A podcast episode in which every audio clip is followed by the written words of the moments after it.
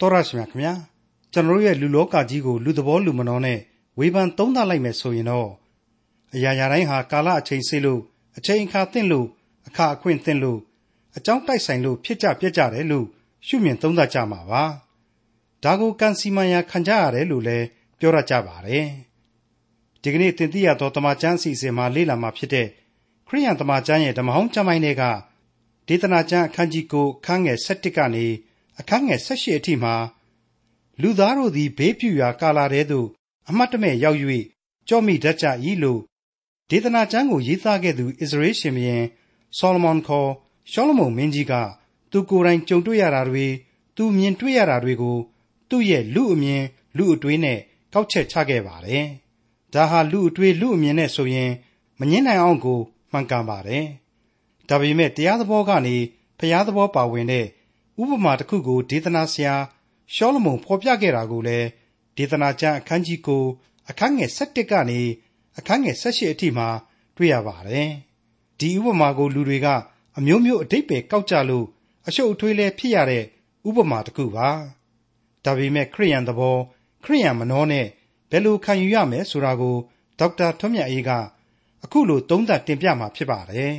။သင်သိရသောသမာကျမ်းရဲ့မိတ်ဆွေတော်တတ်ရှင်အပေါင်းတို့ခမညာ ဒီကနေ့အဖို့မှာတော့ဒေသနာကျမ်းအခန်းကြီး9အငယ်7ကိုကျွန်တော်စတင်ရောက်ရှိလာကြပါပြီ။ရှောလမုန်မင်းကြီးဟာဘုရားသခင်နဲ့ဝေးကွာလှမ်းရအရတ်မှာဒုစရိုက်လူသားကြီးဘဝရဲ့အတွေ့အကြုံတွေပေါ်မှာမူတည်ပြီးတော့နေအောင်အောက်ကလူဘဝအကြောင်းကိုလူသားမျက်စိနဲ့ကြည့်တယ်။လူသားအတွေ့အခေါ်နဲ့တိုင်းတာတယ်။ပြီးတဲ့နောက်မှာတော့ဒီဒေသနာကျမ်းကြီးကိုရေးဖွဲ့နေခြင်းဖြစ်တယ်ဆိုတာကိုကျွန်တော်တင်ပြလို့ပြီးခဲ့ပြီးပါပြီ။ဘာပဲဖြစ်ဖြစ် သူဟာဘုရားသခင်ပေးသနာထားတဲ့ဉာဏ်ပညာအရာမှာကတော့ထိတ်တန်းပညာရှိကြီးတယောက်ပဲဆိုတာမငြင်းနိုင်ဘူးအထူးသဖြင့်သူအင်မတန်ကျွမ်းကျင်တဲ့တရားစီရင်မှုပညာသိပ္ပံလောကရပညာဒီနဲ့သာတိုင်းတာမယ်ဆိုရင်တော့ရှောလမုန်ဆိုတာဟာတကယ်ထိတ်တန်းပုဂ္ဂိုလ်ကြီးဘာပဲပြောပြောအဲ့ဒီပညာရှိကြီးဟာဘုရားသခင်အနာမှာခိုလုံသူကြီးဘဝမှာရေးသားထားတဲ့သုတ်တန်စကားမျိုးတွေကိုတော့သူဟာအခုအချိန်မှမသုံးနိုင်ရှာတော့ဘူး ဘုရားသခင်နဲ့ဝေးနေပြီးတော့မြေရနံ့တွေနဲ့သာမှုန်ထွန်နေတဲ့အချိန်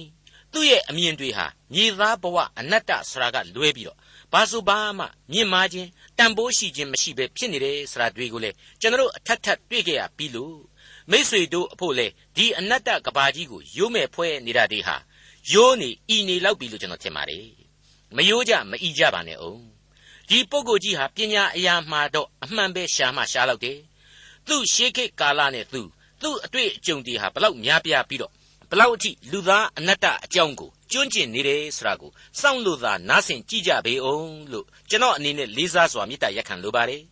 အခုဒေသနာကျမ်းအခန်းကြီး9အငယ်7မှာစလိုက်ပုံကလေးကတော့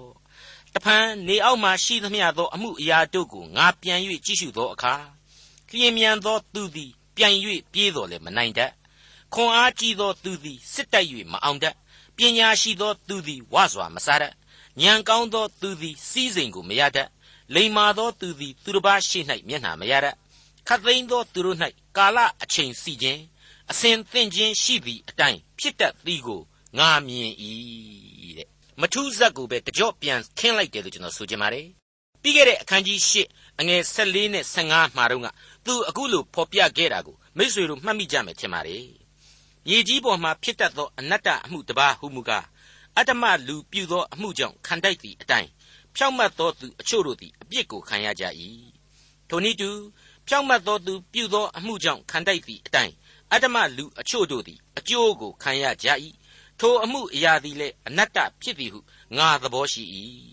ထိုအခါပျော်မွေခြင်းအမှုကိုငါချီးမွမ်း၏အကြောင်းမူကားလူသည် နေအောက်မှစားတော့ခြင်းပျော်မွေခြင်းအမှုတည်းသာ၍ကောင်းသောအမှုမရှိ နေအောက်မှဘုရားသခင်ပေးသနာတော်မူသောအသက်ကာလ၌ကြိုးစားအားထုတ်၍ရသောအကျိုးတို့တွင် ထိုအကျိုးကိုသာအမြဲခံရ၏တနည်းအားဖြင့်ကတော့လူသူတော်ကောင်းကြီးလည်းဒုက္ခရောက်ချင်ရောက်တာပဲလူယုတ်မှလည်းသူတော်ကောင်းကြီးပမာကောင်းစားခြင်းကောင်းစားတာပဲဆိုတဲ့သဘောပါပဲအဲ့ဒီလိုလောကရန်ကြီးရဲ့တရားမမျှတမှုကိုယ့်ယုတ်ကာယဖြစ်မှုတွေကိုအနတ္တတရားအဖြစ်သူဟာဖော်ပြခဲ့ပြီးတဲ့နောက် အဲ့ဒီအတိုင်းမယိုးမဆွဲပဲအခုအခန်းကြီး9ရဲ့အငယ်1နဲ့2မှာလည်းဖော်ပြခဲ့ပါသေးတယ်အထက်ကဆိုခဲ့ပြီးသောအမှုအရာအလုံးစုံတို့ကိုငါသည်စုံစမ်းခြင်းဟာဆင်ခြင်ရသည်ကားဖြောင့်မတ်သောသူနှင့်ပညာရှိသောသူတို့သည်သူတို့ပြုသောအမှုများနှင့်တကွဘုရားသခင်လက်တော်၌ရှိကြ၏ချစ်တော်မူသောလက္ခဏာကိုထင်ရှားသမျှသောအမှုအရာအဖြစ်အဘယ်သူမျှမသိနိုင်ခတ်သိမ်းသောသူတို့သည်ခတ်သိမ်းသောအမှုတို့နှင့်ဆက်ဆံကြ၏တရားသောသူနှင့်မတရားသောသူ ကောင်းသောသူနှင့်မကောင်းသောသူစင်ကြယ်သောသူနှင့်မစင်ကြယ်သောသူရစ်ပူဇော်သောသူနှင့်ရစ်မပူဇော်သောသူအပြစ်မရှိသောသူနှင့်အပြစ်ရှိသောသူကျိန်ဆိုသောသူနှင့်ကျိန်ဆိုခြင်းကိုကြောက်သောသူတို့သည်တခုတည်းသောအမှုနှင့်တွေ့ကြုံတတ်ကြ၏တဲ့ဟုတ်ပါတယ်လူသူတော်ကောင်းကြီးတွေကဒုက္ခတွေရောက်တယ်လူညစ်ပတ်တွေ မဟုတ်မတန်တရားလုပ်တဲ့လူတွေကကောင်းစားနေကြတယ်ဆိုတာတွေ့ကိုသူဟာအနတ္တလောကမြင်ကွင်းကျဲကြီးအဖြစ်မိမောင်းထိုးပြသနေရကနေပြီးတော့အခုအငယ်၁၁မှာကြတော့အပြေးပြိုင်တဲ့နေရာမှာလျင်မြန်တဲ့လူတွေကြီးပဲအမြဲမနိုင်နိုင်ဘူးတဲ့မြင်းကောင်းခွာလိဖြစ်ချင်ဖြစ်နိုင်တယ်ဆိုတဲ့သဘောခွန်အားကြီးတိုင်းလဲစစ်နိုင်မယ်မထင်နဲ့တဲ့ခြေကျော်လက်ချော်ပြစ်တတ်တယ်ညံကောင်းရဲ့သားနဲ့လေအခြေအနေမပေးလို့စီးစိမ်ဥစ္စာမရှာနိုင်မနဲ့ဆင်းရဲခြင်းရင်ဆင်းရဲနေနိုင်တယ် လူလိမ္မာကလေးဖြစ်ပြီမဲ့လေလူမိုက်တယောက်လောက်တော့မှမျက်နှာမရဘဲနဲ့ခြေတော့ရဆိုတာမျိုးလေရှိနိုင်ပါတယ်တဲ့အဲ့ဒီခတ်သိမ်းသောလူတ attva တို့ရဲ့ဘဝဟာကံစီမံရာအတိုင်းသာဖြစ်နေတယ်ပြက်နေတယ်သူ့အချိန်နဲ့သူအခက်မသင့်ဘူးဆိုမှဖြင့်ဘာမှအကျိုးမရှိဘူးဟောဖြစ်ရမယ့်အချိန်ရောက်ပြန်တော့လေဘာမှများများဆဆလုပ်ဖို့မလိုပဲနဲ့သူ့အလိုအလျောက်အလိုလိုဖြစ်လာပါလိမ့်ရောတယ်တနည်းအားဖြင့်ကတော့အချိန်တန်ရင်အားလုံးအဆင်ပြေသွားရမှာသိကြတယ် အရာရာမှာသူ့အချိန်နဲ့သူပဲဆိုတဲ့အတိတ်ပဲအဲ့ဒီလိုဖော်ပြပြီးမှရှောလမုန်မင်းကြီးဆက်လိုက်တာကတော့အငယ်ဆက်နှစ်ဖြစ်ပါတယ်လူသည်မိမိကာလအချိန်ကိုမသိတတ်ဘေးပြူရာပိုက်ကွန်အုပ်မိသောငါးကဲ့သို့၎င်းကြော့ကွင်း၌ကြော့မိသောငှက်ကဲ့သို့၎င်းလူသားတို့သည်ဘေးပြူရာကာလတည်းသို့အမှတ်တမဲ့ရောက်၍ကြော့မိတတ်ကြ၏တဲ့အဲ့ဒီလိုကိုယ်အချိန်တန်လာရင်အလုံးအစဉ်ပြေသွားမှာပဲဆိုမဲ့ကြိုတင်ပြီးတော့ဘာဆိုဘာမှကြိုပြီးလည်းမမြင် တွက်လဲမတွက်ဆနိုင်ဘူးဆိုတော့ကို့ဖာသာကိုသာတွက်ကင်းကြီးတွေချပြီးတော့ကိုညံကိုမန်နဲ့ကြိုးစားအားထုတ်နေကြရတယ်မဖြစ်မနေအောင်မြင်မှာပဲဆိုပြီးတော့အထင်ကြီးနေရာကနေပြီးတော့လောကရန်တန်တရားကြီးထဲမှာငါးများပိုက်ကွန်တဲ့ပါသွားသလိုထောင်ချောင်းမိတဲ့ငှက်ကလေးများလိုလူဘဝဟာဒုက္ခများစွာနဲ့ဘဝကြီးသာဖြစ်ပါတယ်တဲ့မိတ်ဆွေအပေါင်းတို့နေအောင်အောက်ကအနတ္တဘဝအမြင်နဲ့ပြောရင်တခုမှလွဲတာမရှိဘူးအကုန်လုံးဟာအမှန်တရားတွေကြီးပဲဆိုတာမြင်ရပါတယ် လောကရန်ပိုက်ကွန်လောကရန်ထောင်ချောက်တွေထဲမှာသာကျွန်တော်ရှင်သန်နေကြရစမြဲပါတခါတလေကျတော့သိပြီးတော့ချမ်းသာကြွယ်ဝတဲ့လူတွေဩဇာအာဏာရှိတဲ့လူတွေကိုကြည့်ပြီးတော့အဲ့ဒီအတိုင်းမဖြစ်ဘူးသူတို့ကျတော့ဟန်ကိုကြနေတာပဲဆိုပြီးတော့တွေးပြီးတော့သေကြမိကြမယ်ထင်ပါတယ်အမှန်ကတော့အိုခြင်းနာခြင်းသေခြင်းဆိုတာပင်လျင်လောကရန်ပဲကိုယ်စည်းစိမ်နဲ့ကိုယ်အာနာကြောင့်ပူပန်ရတာတွေစိုးရင်ရတာတွေကိုကလည်းလောကရန်ကြီးပဲအကုန်လုံးဟာသူ့အဆင့်နဲ့သူ သူ့အတိုင်းအတာနဲ့သူကြော့မိနေကြတာပဲထောင်တစ်ခုခုတည်းမှာထောင်ချောက်မိနေကြရတာပဲဆိုတာကိုကျွန်တော်မေ့လို့မရနိုင်ပါဘူးအဲ့ဒီလိုကြာရောက်ခြင်းဟာအမှတ်တမဲ့လည်းဖြစ်ပါတယ်တဲ့မိษွေအပေါင်းတို့ပြီးခဲ့တဲ့သင်္ဆန်းသင်ခန်းစာတွေမှာကတည်းကကျွန်တော်ပြောခဲ့ပြီးပါပြီနိုင်ငံရေးစနစ်ကြီးတွေအမျိုးမျိုးကိုလူသားတွေကတိဆောက်ကြတယ်လူသားတို့ကပြုစုပေးလိုက်တဲ့အပိဓမ္မာကြီးတွေနဲ့ကောင်းနိုးရာရာတွေကိုရွေးချယ်ပြီးတော့ကမ္ဘာလောကကြီးမှာလူအဖွဲ့အစည်းကောင်းကျိုးကိုလူအချင်းချင်းစ조사ဆောင်ကျင်းခဲ့ကြတယ် ဘုရားသခင်အလိုတော်ဆိုတာကလေးကိုရောင်လို့တောင်ထည့်ပြီးတော့မစင်စားခဲ့ဘူးဖြစ်ပြက်ပြုတ်ပြင်းဆိုတာကိုတော့ခပ်ပေါ့ပေါ့ကလေးမျှလက်ခံတယ်တကယ်တော့ဘုရားသခင်နှုတ်ကပတ်တော်ဘုရားသခင်စီရင်တော်မူခြင်းဆိုတာတွေ့ကိုသာထည့်ပြီးတော့စဉ်းစားလိုက်မယ်ဆိုရင်အဲ့ဒီဖြစ်ပြက်ပြုတ်ပြင်းဒီဟုသောနှစ်စက္ကန့်ကြာတဲ့ဝေါ်ဟာရလေးမဆုံးခင်မှာကို့အသက်ပြောင်းနိုင်တယ်လေဖြတ်နိုင်တယ်ဘဝပြတ်နိုင်တယ်ဆိုတာတွေ့ကိုကျွန်တော်စဉ်းစားမိဖို့အထူးပဲအရေးကြီးလာပါတယ် အဲ့ဒီလိုနိုင်ငံရေးနဲ့မလွတ်တာမကင်းတာကလေးတွေကိုစဉ်းစားရင်းကနေပြီးတော့တကယ်နိုင်ငံရေးသဘောကိုဖော်ပြနေတဲ့အချက်တစ်ခုဟာဒေသနာကျမ်းမှာရုတ်တရက်စောင့်တိုးပြီးတော့ပါဝင်လာတာကိုတွေ့နိုင်ပြန်ပါတယ်ဒေသနာကျမ်းအခန်းကြီး9အငယ်73နဲ့74နေအောက်မှာငါတွေ့မြင်၍ချီးမွမ်းပွေသောပညာဟုမူကားမြို့သားနေသောမြို့ငယ်တစ်ခုရှိ၏ကြီးသောရှင်ဘရင်တစ်ပါးသည်လာ၍ထိုမြို့ပြင်မှကြီးစွာသောတပ်တို့ကိုတီး၍ဝိုင်းထား၏ ချီးမွမ်းပွေသောပညာတစ်ခုအနေနဲ့ငါမြင်တယ်ဆိုပြီးတော့ရှောလမုန်မင်းကြီးကစကားပလင်ခံလိုက်ပါတယ်အဲ့ဒီချီးမွမ်းပွေသောပညာဆိုတာကိုအငယ်15အထိဆက်ဖတ်မှဖြစ်မယ်ပြည့်စုံလုံလောက်လိမ့်မယ်မိษွေတို့အနေနဲ့နားလည်ဖို့လွယ်ကူလိမ့်မယ်ဖြစ်လို့ကျွန်တော်အနေနဲ့ဆက်ပြီးတော့ဖတ်ပြခြင်းပါတယ်အငယ်15ထိုမြို့၌နေသောဆင်းရဲသားပညာရှိတယောက်သည်မိမိပညာအားဖြင့်ထိုမြို့ကိုကယ်တင်၏သို့တော်လည်းထိုဆင်းရဲသားကိုအဘယ်သူမျှမအောင်မေတဲ့မိษွေအပေါင်းတို့ နဲ့နဲ့ဆိုင်ဆိုင်စဉ်းစားလေးလေးအဖြေရှင်းလေးလေးပါပဲမြို့သားနေသောမြို့ငယ်သို့မဟုတ်လူများပြီးတော့ပွဲမစီသောမြို့ငယ်ပေါ့တော်ရီမဟုတ်ရင်လေချိနဲ့အားပြော့နေသောလူအဖွဲ့အစည်းဆိုတာကိုလွယ်လွယ်ကလေးပဲသရုပ်ဆောင်ပြီးတော့အဖြေဖော်သင့်တယ်လို့ကျွန်တော်ဆိုချင်ပါတယ်မိတ်ဆွေအပေါင်းတို့အဲ့ဒီလိုချိနဲ့အားပြော့မှုတွေဆိုတာဟာတခြားတော့မဟုတ်ပါဘူးလူအဖွဲ့အစည်းအတွင်းကအစင်မပြေမှုတွေအထွေတွေကိုပြောတာပါပဲလူလူချင်းမတရားကောင်းပုံဖြတ်မှုတွေကျူးကျော်စော်ကားမှုတွေ တစ်ဖက်စောင်းနှင်းစီးပွားရေးတွေလက်တဆုပ်ကချမ်းသာပြီးတော့အများစုကငတ်ပြတ်မှုတွေဆိုတာတွေဖြစ်ပေါ်လာတဲ့အချိန်မှာကြီးသောရှင်ဘရင်တပားကနေပေါ်လာပြီးတော့မြို့ပြင်မှာတတ်တို့ကိုတီးပြီးတော့ဝိုင်းထားတယ်တဲ့ဒါဟာဘာကိုဆိုလို့တလဲကပ္ပသမိုင်းသင်ခန်းစာတွေနဲ့ယူလိုက်ရင်အဖြေရှင်းနေပါတယ်အဖြေရှိနေပါတယ်လူအဖွဲ့အစည်းအတွင်းကမူမှန်မှုတွေမတရားပြုကျင့်မှုတွေခေါင်းပုံဖြတ်မှုတွေဟာနိုင်ငံရေးဒုက္ခတွေပင်လယ်ဝေစီတယ် ပျော်ရွှင်မှုတွေစိတ်စိတ်သုံးစေတယ်အတွေးအခေါ်တွေကိုကမောက်ကမဖြစ်စေတယ်ထင်ရမြင်ရတွေကိုဖြစ်လာစေတယ်အဲ့ဒီအချိန်မှာတော့မင်းတို့အတွက်ကတော့လောကနိဗ္ဗာန်ကြီးဖြစ်စေမယ်ဟိမင်းတို့တောင့်တနေတဲ့ငြိမ်သက်ချမ်းသာခြင်းလည်းရှိစေမယ်ဟိတရားမျှတခြင်းတွေပေါ်ထွန်းစေမယ်ဟိဆိုတဲ့ကြွေးကြော်သံနဲ့တက်လာတဲ့အာနာရှင်စနစ်ကြီးတွေပေါ်ထွန်းလာတာကိုဆိုလိုတာပါပဲလူအချင်းချင်းကဲတင်နိုင်မယ်လို့ယူဆရတဲ့တကိုးရှင်ကြီးတွေဘွားကနေပေါ်လာတာပါပဲ အဲ့ဒါဟာမြို့သားနေသောမြို့ငယ်တစ်မြို့ရှိ၍ကြီးစွာသောရှင်ဘရင်တစ်ပါးသည်ထိုမြို့ပြင်မှကြီးစွာသောတက်ကိုချပြီးတော့ဝိုင်းလိုက်တဲ့သဘောပါမိတ်ဆွေဒီအချက်တွေကိုစစ်စစ်ဆက်ဆက်ထောက်ရှုလိုက်မယ်အသေးအချာစဉ်းစားလိုက်မယ်ဆိုရင်ကျွန်တော်ကဘာပေါ်မှာအဲ့ဒီလိုဖြစ်လို့ဆိုပြီးတော့လေဘသူကိုဘသူကအပြစ်တင်ရမှာလေဘသူကိုမှအပြစ်တင်နေဖို့မလို့အရင်ရှင်ကဂုတ်သွေးဆုပ်တယ်အရင်မဲ့ကဒေါသကြီးတယ်ပညာရှိကပညာမဲ့ကိုနှိမ့်တယ် ပညာမဲ့ကပညာရှိကိုမလို့မုန်းကြည့်တယ်ဆိုတဲ့တန်တရားလက်ပတ်မှုကြီးတွေကိုတွေ့လာရပါတယ်အဲ့ဒီမှာတင်စာရမဏတ်ဤခေါင်းထောင်လာမှုဒီလူအဖွဲ့အစည်းကိုဝင်ရောက်ဝင်နှောက်မှုလူအဖွဲ့အစည်းကိုယ်တိုင်ကလည်းပဲဒီလိုအခြေအနေဆိုးကိုအလိုအလျောက်လက်ခံလာရတယ်ဆိုတဲ့သဘောကိုတွေ့လာရပါတယ်အဲ့ဒါနဲ့ပဲမြို့သားနေသောမြို့ငယ်တစ်မျိုး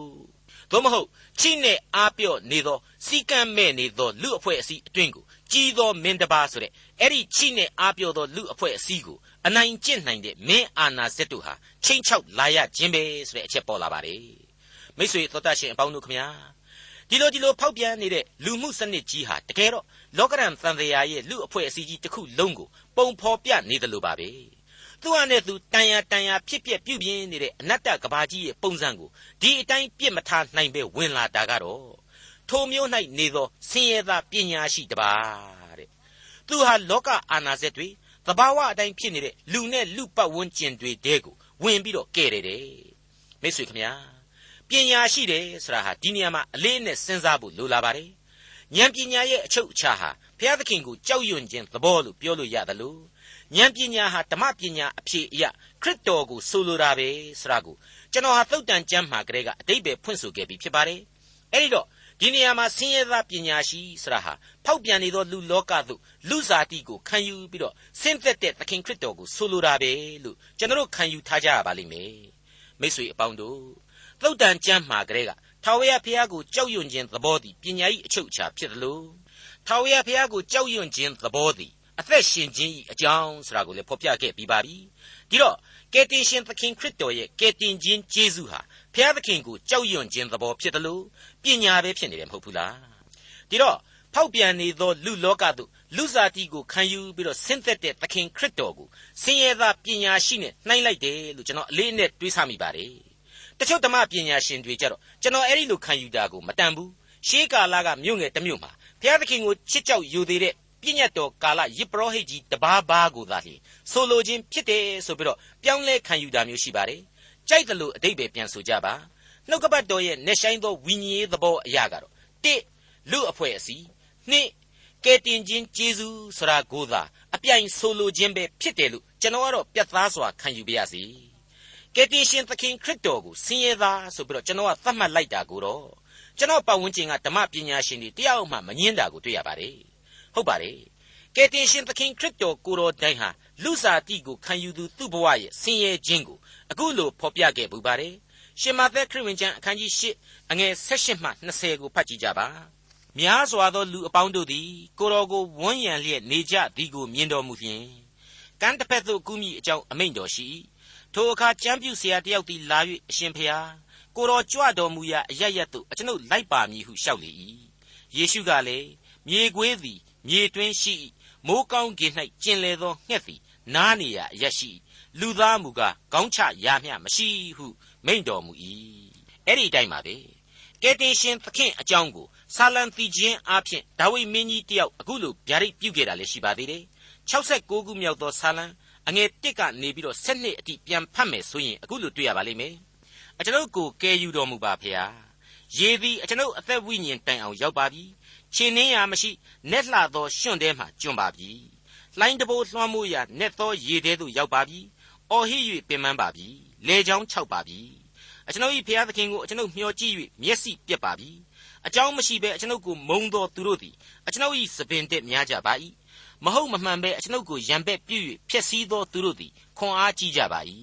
ထိုအခါအကျွန်ုပ်သည်မယူသောဥစ္စာကိုပင်ပြန်ပေးရပါ၏အိုဖျားသခင်အကျွန်ုပ်မိုက်ခြင်းအမှုကိုကိုတော်သိတော်မူ၏အကျွန်ုပ်၏အပြစ်တို့ကိုရှေ့တော်၌ဖွဲ့၍မထားရပါကောင်းကင်ဘိုးကြီးသခင်အရှင်ထာဝရဖျား ကိုတော်ကိုမျှော်လင့်သောသူတို့သည်အကျွန်ုပ်အကြောင်းကြောင့်စိတ်မပြတ်ကြပါစေနှင့်ဣသရေလမျိုး၏ဖျားသခင်ကိုတော်ကိုရှာသောသူတို့သည်အကျွန်ုပ်အကြောင်းကြောင့်ရှက်ကြောက်ခြင်းသို့မရောက်ကြပါစေနှင့်ကိုတော်အတွက်အကျွန်ုပ်သည်ကဲ့ရဲ့ခြင်းကိုခံရပါ၏အကျွန်ုပ်မျက်နှာသည်ရှက်ခြင်းနှင့်ပြည့်စုံပါ၏ကိုညီအကိုတို့တွင်လူစိမ့်ဖြစ်ခဲ့ပါပြီတမိဒီပေါက်သောပေါက်ဖော်တို့တွင်တကြွတနိုင်ငံသားဖြစ်ခဲ့ပါပြီကိုတော်၏အိမ်တော်၌ဆွဲလန်းပူပန်ခြင်းစိတ်သည်အကျွန်ုပ်ကိုစားပါ၏ ကိုတော်ကိုကဲ့ရဲ့သောသူတို့၏စကားသည်အကျွန်ုပ်အပေါ်သို့ရောက်ပါ၏အကျွန်ုပ်သည်ငိုကြွေး၍စိတ်နှလုံးပါလျက်အစာရှောင်သောအကျင့်ကြောင့်ပင်ကဲ့ရဲ့ခြင်းကိုခံရပါ၏လျော်တေအဝတ်ကိုဝတ်သောအခါသူတို့သည်သေရောတတ်ကြပါ၏ယုံ၌ထိုင်သောသူတို့သည်အကျွန်ုပ်တစ်ဖက်မှပြောဆို၍သေသောကျူးတို့သည်အကျွန်ုပ်ကိုအကြောင်းပြုလျက်တေးဖွဲ့၍ဆိုတတ်ကြပါ၏ဟုတ်ပါတယ်အဲ့ဒီအချက်တွေဟာအကုန်လုံးပြန်ပြီးစဉ်းစားကြည့်လိုက်ရင် ဒါဝိဒ်ကနေတဆင့်ဒါဝိဒ်အမျိုးအနွယ်မှာလူစားတိကိုခံယူလာမယ်သခင်ခရစ်တော်ရဲ့လူစားတိပုံချမ်းကိုဖော်ပြလိုက်ခြင်းဖြစ်ပါတယ်ကြိုတင်ဗျာဒိတ်လည်းဖြစ်ခဲ့ပါတယ်ကယ်တင်ရှင်ရဲ့နာဇရက်မြို့ကလေးမှာခံစားရမယ်ကယ်တင်ရှင်ရဲ့လူဘဝပုံစံဖြစ်တယ်အနှိမ်ခံပုံစံဖြစ်တယ်အဖေမပေါ်တဲ့သားအနေနဲ့ပတ်ဝန်းကျင်ကအပြစ်တင်တာအပုတ်ချတာနှိမ်တာကဲ့ရဲ့ပြစ်တင်ဓာတွေကိုသခင်ဟာလူစားတိကိုခံယူရင်းနဲ့မချစ်ရင်ကခံစားခဲ့ရလိမ့်မယ်ဆိုတာဟာအလွန်သိသာထင်ရှားနေပါတယ် အဲ့ဒီတိုင်းပါပဲနောက်ထပ်ဆက်ပြီးတွေ့ရတာကတော့22ခုမြောက်သောစာလံအငယ်6ကနေ15အတွင်းကဗျာဒိတ်လင်္ကာယဖော်ပြချက်များပဲဖြစ်ပါတယ်အကျွန်ုပ်မူကားလူမဟုတ်ပိုးကောင်မျှတာဖြစ်ပါ၏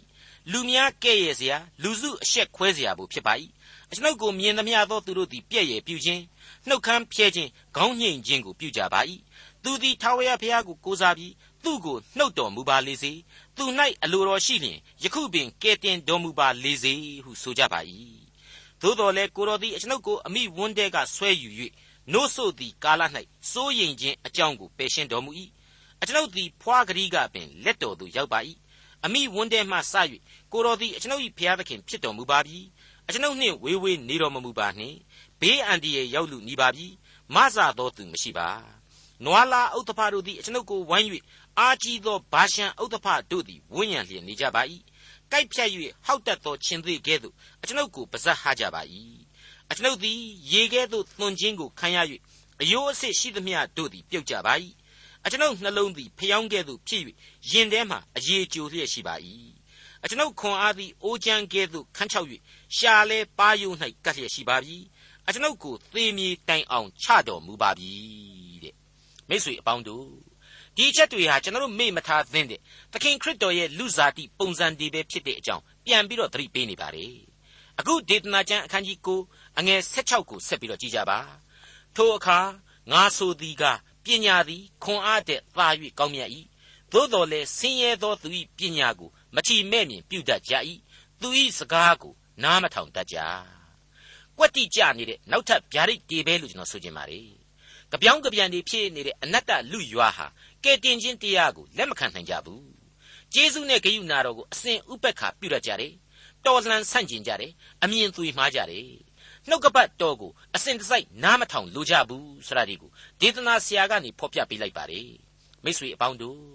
ဒေသနာဆရာရဲ့အခုဖော်ပြချက်တွေဟာပြီးခဲ့တဲ့ဖော်ပြချက်တွေနဲ့စရင်ဝိညာဉ်ရေးသဘောတရားတွေပုံမပါဝင်လာတယ်လို့ကျွန်တော်ဆိုချင်ပါတယ်အနတ္တလောကတဲကအနတ္တလူသားဟာကျေးဇူးတရားကိုကျေးဇူးတရားမှန်မသိကြဘူး ဂယုဏတော်ကိုဂယုဏတော်အဖြစ်မခံယူနိုင်ကြဘူးဆိုတဲ့လူလောကရဲ့အနှုတ်လက္ခဏာသရုပ်ကိုဖော်ပြလိုက်တယ်လို့ကျွန်တော်အထူးပဲသဘောကျမိပါတယ်ဒေသနာကျမ်းအခန်းကြီး9အငယ်၁၈အုပ်ဆိုးသောသူသည်မိုက်သောသူတို့တွင်ကြွေးကြော်သောအသံကိုနားထောင်ကြသည်တည်းငြိမ်ဝတ်ရာ၌ပညာရှိပြောသောစကားကိုသာ၍နားထောင်တတ်ကြ၏ဒီအပိုင်းကျတော့ရှောလမုန်မင်းကြီးရဲ့ကိုတွေ့သင်ခန်းစာတွေကနေပြီးတော့လာတဲ့ဒေသနာကြံပဲဖြစ်လိမ့်မယ်လို့ကျွန်တော်ခံယူမိပါတယ် တစ်ချိန်တည်းမှာကယ်တင်ရှင်သခင်ခရစ်တော်ရဲ့ကောင်းကင်နိုင်ငံတော်မြေပေါ်မှာတည်တဲ့အချိန်ခရစ်တော်ရဲ့အမိန့်တော်ကသာလျှင်လူအဖွဲ့အစည်းပေါ်မှာအာနာဩဇာသက်ရောက်ရလိမ့်မယ်ဆိုတာကိုရည်ညွှန်းဖော်ပြလိုက်တယ်လို့ကျွန်တော်ခံယူပါတယ်အကယ်၍သာရှောလမုန်ရဲ့ကိုတွေ့ဘဝသင်ခန်းစာကနေလာတာဆိုရင်လေရှောလမုန်ခေတ်ရဲ့နိုင်ငံရေးအခြေအနေကိုဖော်ပြပေးလိုက်တယ်လို့ကျွန်တော်တွေးပါတယ်ဟုတ်ပါတယ်ရှောလမုန်မင်းကြီးဟာသူ့အဖေဒါဝိဒ်သေဆုံးပြီးတဲ့နောက်မှာသူ့အဖေရဲ့လက်ယုံနဲ့တိဆောက်ထားတဲ့နိုင်ငံတော်ကို ငိမ့်ငိမ့်ညောင်ညောင်လေးစိုးစံခွင့်ရခဲ့ပါတယ်စစ်တိုက်ရတယ်လို့မရှိဘဲနဲ့တိုင်းပြည်ဟာလည်းအလွန်သာယာဝပြောခဲ့ပါတယ်ဒါတွေဟာပညာရှိများနဲ့တိုင်ပင်ခြင်းကြောင့်ဖြစ်တယ်လို့ကိုယ်တိုင်ဟာလည်းဉာဏ်ပညာနဲ့ပြည့်စုံသူပညာရှိတစ်ယောက်ပြီးပြီဘုရားသခင်စီကဝိညာဉ်ခွန်အားများနဲ့တိုင်းပြည်ကိုအုပ်ချုပ်ခဲ့လို့ပဲလို့ကျွန်တော်ခံယူပါတယ်ဒီအကြောင်းတွေကိုဓမ္မရာဇဝင်တတိယဆောင်ရဲ့တတိယစာဆောင်ရဲ့အခန်းကြီး၄ကနေ၁၁အတွင်းမှာကျွန်တော်အသေးစိတ်တွေ့မြင်နိုင်ပါတယ် မိษွေတို့အနေနဲ့သီးသန့်ကိုယ့်အကူပြန်ပြီးတော့လေ့လာဖတ်ရှုကြည့်စေချင်ပါတယ်အဲ့ဒီဖြစ်စဉ်တွေဟာလောကပညာရှိတွေကိုလေးစားစွာတိုင်ပင်လောကအတွက်လိုအပ်တဲ့ဘုရားသခင်စီကအကြံကောင်းဉာဏ်ကောင်းတွေကိုရယူသူတယောက်ရဲ့လောကပုံစံတွေဖြစ်တယ်လောကမှာအခြေခံထားတဲ့အတွက်ကြောင့်အကျွင့်မဲ့ပြေဝစုံလင်ခြင်းတော့လည်းမရှိဘူးအားနည်းချက်တွေညံ့ဖျင်းမှုတွေလူပီပီချွယွင်းချက်တွေကတော့ရှိစမြဲပဲဆိုတာကိုသူတို့သတိပြုမိဖို့လည်းအထူးပဲလိုအပ်ကြောင်းကိုဒီနေရာမှာကျွန်တော်တင်ပြခြင်းပါတယ် အဲ့ဒီဓမ္မရာဇဝင်တတိယစာဆောင်အခန်းကြီး7အငယ်23ကနေ29ကိုပြန်ကြည့်မယ်ဆိုရင်တော့သူခေရဲ့ကြီးပွားတိုးတက်မှုကိုမြင်ရမှာဖြစ်တယ်လို့သူ့ကိုဘုရားသခင်ကတားမြစ်ထားတဲ့မြင်းတွေမမွေးရဘူးဆိုတာဒီကိုသူဟာနားမထောင်ခဲ့ဘူးဘုရားသခင်ရဲ့အလိုတော်ကိုဆန့်ကျင်ပြီးတော့မြင်းတွေကိုမွေးမိခဲ့တယ်ဆိုတာဒီကိုတွေ့ရမှာဖြစ်ပါတယ်ဓမ္မရာဇဝင်တတိယစာဆောင်အခန်းကြီး7မဟုတ်ပါဘူးအခန်းကြီး30အငယ်23ကနေစပြီးတော့ဖတ်ကြည့်ရမှာဖြစ်ပါတယ်ထို့သောရှောလမုန်သည် မြေကြီးပေါ်မှရှိသမျှသော ရှင်ဘရင်တို့တဲ့ပညာနှင့်စည်းစိမ်အားဖြင့်လွန်ကဲ၏ရှောလမုန်၏နှလုံး၌ဘုရားသခင်သွင်းပေးတော်မူသောပညာကိုမြေကြီးသားအပေါင်းတို့သည်ကြားရအံ့သောငါမျက်နာတော်ကိုဖူးလာကြ၏လာသောသူအသီးသီးတို့သည်ရွှေဖလားငွေဖလားအဝတ်တစားစစ်တိုက်လက်နှင့်နန့်သာမျိုးမြင်းလားတို့ကိုနှစ်တိုင်းအခွန်ဆက်ရကြ၏ရှောလမုန်သည်လည်းယထာများမြင်းစည်းသူရဲများကိုစီးပူး၍ယထာတထောင်နှင့်400 မြင်းစည်းသူရဲတထောင်2000ရှိ၏ယထာဒိန်မြို့တို့၌၎င်းယေရုရှလင်မြို့အထံတော်၌၎င်းထား၏ရှင်ဘရင်သည်ယေရုရှလင်မြို့၌ငွေကိုကြောက်ခဲကဲ့သို့၎င်းအာရစ်ပင်တို့ကိုလွင်ပြင်၌ပေါက်သောသဖန်းပင်ကဲ့သို့၎င်းများပြားစေ၏ရှောလမုန်ထံသို့မြင်းများကိုအေဂုတ်ထုပြည်ကောမြို့မှဆောင်ခဲ့ကြ၏ရှင်ဘရင်၏ကုံသည်တို့သည်အဖိုးပေးလျက်ကောမြို့၌ခံရခံယူရကြ၏အေဂုတ်ထုပြည်မှယထာတစ်ခုကို ငွေ6ပိဿာနှင့်၎င်းမြင်းတစ်စီးကိုတပိဿာ90နှင့်၎င်းရောင်းမြဲရှိ၏ထို့သောဟိတ်တိမင်းကြီးနှင့်ရှုရိမင်းကြီးအပေါင်းတို့သည်အေဂုတ်ထုယထာနှင့်မြင်းတို့ကိုရတတ်ကြ၏မိတ်ဆွေအပေါင်းတို့ခမညာ